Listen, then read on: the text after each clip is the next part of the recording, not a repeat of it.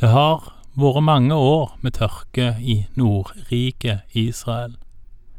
Ifølge Elia var dette en direkte konsekvens av gjerningene til kong Akab og hans far Omri, som da var den regjerende kongsslekta i Nordriket, eller Israel.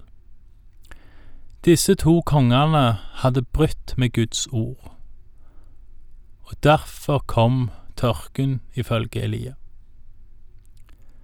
Dette er vanskelige greier, syns jeg, for en mengde med folk hadde det vanskelig eller lei over at kongen og hans hus ikke fulgte Guds ord og ikke gikk på hans veier. Jeg har vanskelig for å forstå hvordan dette skal kunne være rettferdig, men det er heldigvis ikke noe jeg skal stå ansvarlig for. Men uansett, sånn som jeg i alle fall forstår teksten, så er det på grunn av kongehuset til Omri og nå hans sønn Ahab, eller Akab. Det er på grunn av deres gjerninger at det både kongeslekta, eller kongehuset, men òg alle undersåttene lider. Og vel òg de undersåttene som da trodde på Gud. Jesus er vel inne på noe av dette noe av dette vanskelige når han i bergpreget sier at Gud lar sin sol gå opp over onde og gode, og han lar det regne over rettferdige og urettferdige. Med andre ord, både de som tror på Jesus og regnes som rettferdige, og de som ikke gjør det. Over begge disse lar Gud det skje gode ting og onde ting. Det å tro på Jesus er med andre ord ikke en garanti for medgang, og medgang kan automatisk ikke tolkes som at en har Gud med på laget. Men for all del, medgang er selvfølgelig kjekt. Det har vært mange år med tørke, og Elia og 450 Baals profeter samt mange andre er samla på Karmelfjellet til kamp. Ikke imellom Elia og Baals-profetene, men imellom Gud og Baal. Vi leser fra første kongebok, kapittel 18, vers 25. Da sa Elia til Baal-profetene, Velg dere en av oksene, og stell den til først, siden dere er flest. Påkall så navnet til guden deres, men tenn ikke ild så tok de den oksen han hadde gitt dem, stelte den til og påkalte Baals navn fra morgen til middag. Svar oss, Baal, sa de. Men det kom ikke en lyd. Det var ingen som svarte. Imens hinket og hoppet de omkring det alteret de hadde reist. Da det var blitt middag, hånte Elia dem og sa, Rop høyere! Han er jo Gud. Han er vel falt i tanker, eller han er gått avsides, eller er ute på reise. Kanskje han sover og må våkne? Så ropte de enda høyere og rispet seg med sverd og spyd, som de hadde for skikk, til blodet rant nedover dem. Da det led over middag, kom de i profetisk henrykkelse. Slik holdt de på til den tid da grødofferet blir båret fram. Men det kom ikke en lyd. Det var ingen som svarte, og ingen som enset dem. Skal vi tru Bibelens versjon av historien her, så skjer det ingen verdens ting. Samme hva de 450 Baals-profetene finner på. Elia spotter de faktisk mens de holder på. Nå påkaller Elia folkets oppmerksomhet, og vi leser videre fra vers 30. Da sa Elia til folkemengden, Kom hit til meg. Og hele folket gikk bort til ham. Så satte han i stand igjen Herrens alter, som var revet ned. Han tok tolv steiner, en for hver av stammene etter sønnene til Jakob, han som Herren hadde talt dette ordet til. Israel skal være ditt navn. Av disse steinene bygde han et alter i Herrens navn. Og rundt omkring alteret gravde han en grøft så stor at den svarte til en åker som tar to sea såkorn.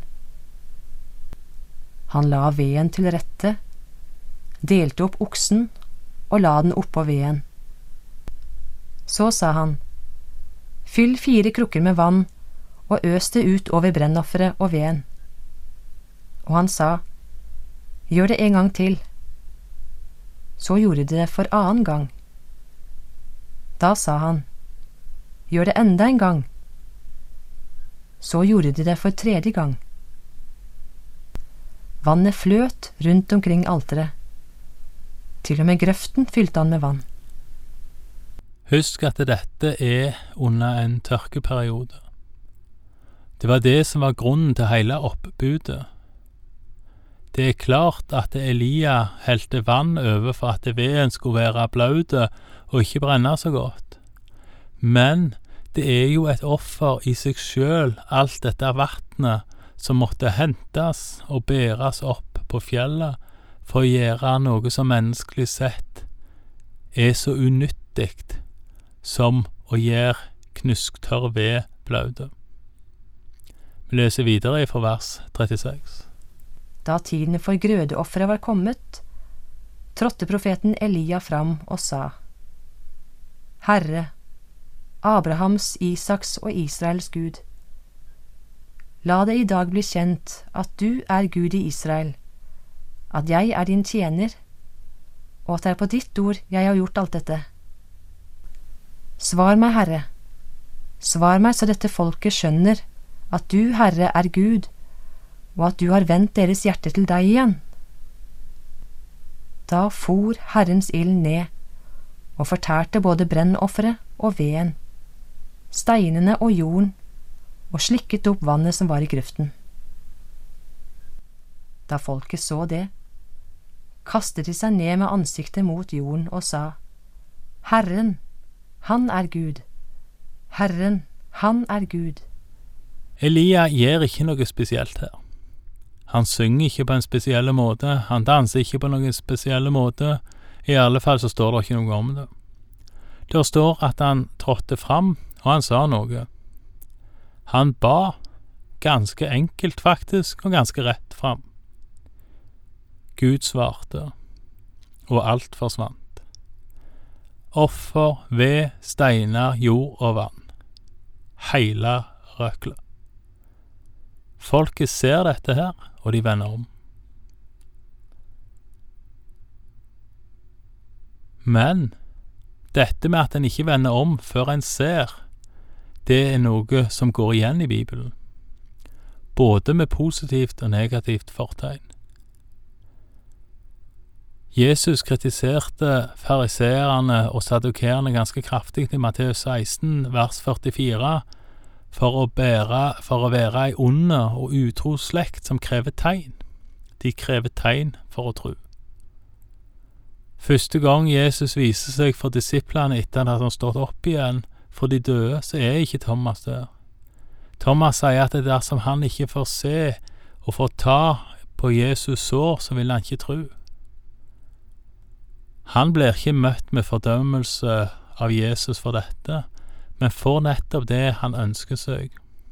Jesus sier likevel til han, gjengitt i Johannes 20 vers 29, fordi du har sett meg, tror du. Salige de som ikke ser, men likevel tror. Israelsfolket, de har nå fått sitt et av Herrens under, og de vender om, og de tror. Baalsprofetene derimot, de skal snart møte dommen. Vi leser videre fra vers 40. Elia sa til dem, Grip Baal-profetene, la ikke en av dem slippe unna. Da grep de Baals profeter og Elia førte dem ned til Kishonbekken og drepte dem der. Igjen noen vanskelige vers. Hvorfor kunne ikke disse bli møtt med nåde? Eller gjorde de det og valgte å takke nei? Det vet vi ikke. Her skrives det nøkternt og etter min mening veldig brutalt. Baal-profetene, de hadde valgt feil gud. Deres gud tapte, de blei grepne, de blei drepne. Hele gjengen. Kongen, som sammen med sin far, i alle fall ifølge Elia, var skyld i hele tørken og hele elendigheten, kan en si, han ble ikke drept her. I alle fall ikke ennå. Kong Akab, eller Ahab, lever videre. Vi leser nå ifra vers 41. Siden sa Elia til Ahab, Nå kan du gå opp og spise og drikke, for jeg hører lyden av styrtregn.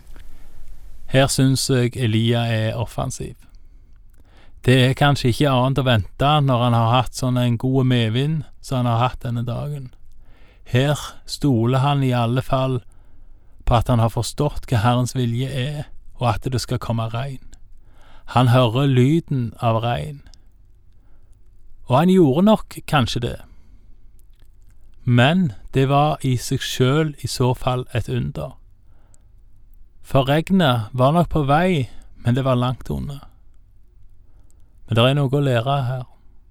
Trygve Bjerkheim skriver i refrenget av sin aller mest kjente sang Det er makt i de foldede hender. At det er svar underveis, at engler kommer med bud. Om det drøyer, så skal det dog nå fram. For det lover jo løftenes trofaste Gud. Kall på meg, og du hjelpen skal få. Og kanskje Bjerkreims oppsummerer godt det som Elia her opplevde. At det der var makt i de foldede, eller bedende hender. At det der var svar underveis. Sjøl om det tok litt tid, så var det underveis. Fordi løftenes trofaste Gud hadde lova Elia det, at dersom han kalte på han, så skulle hjelpen komme. Kanskje var det derfor Elia hørte suset eller lyden av regn lenge før det kom. Vi leser videre fra vers 42. Da gikk Ahab opp for å spise og drikke, og Elia gikk opp på toppen av Karmel og bøyde seg mot jorden med ansiktet mellom knærne. Så sa han til tjeneren sin, Gå opp og se ut mot havet. Gutten gikk opp og så utover, men sa, Det er ingenting å se. Sju ganger sa Elia, Gå opp igjen. Den sjuende gangen sa gutten, Jeg ser en liten sky, ikke større enn en menneskehånd, stige opp av havet.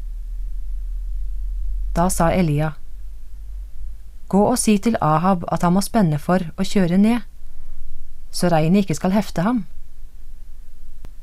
I mellomtiden mørknet himmelen til med skyer og vind og det begynte å striregne. Ahab steg opp i vognen og kjørte til Israel.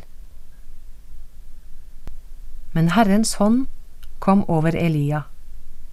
Han bandt opp kjortelen og løp foran Ahab helt til Israel.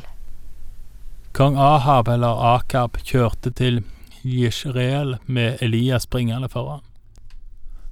Hva Ahab trodde eller ikke trodde, står det ingenting om her. Men det som står, er at han forteller kona si Jesabel om hva Elia har gjort når han kommer og treffer henne. Det får vi komme tilbake igjen til seinere.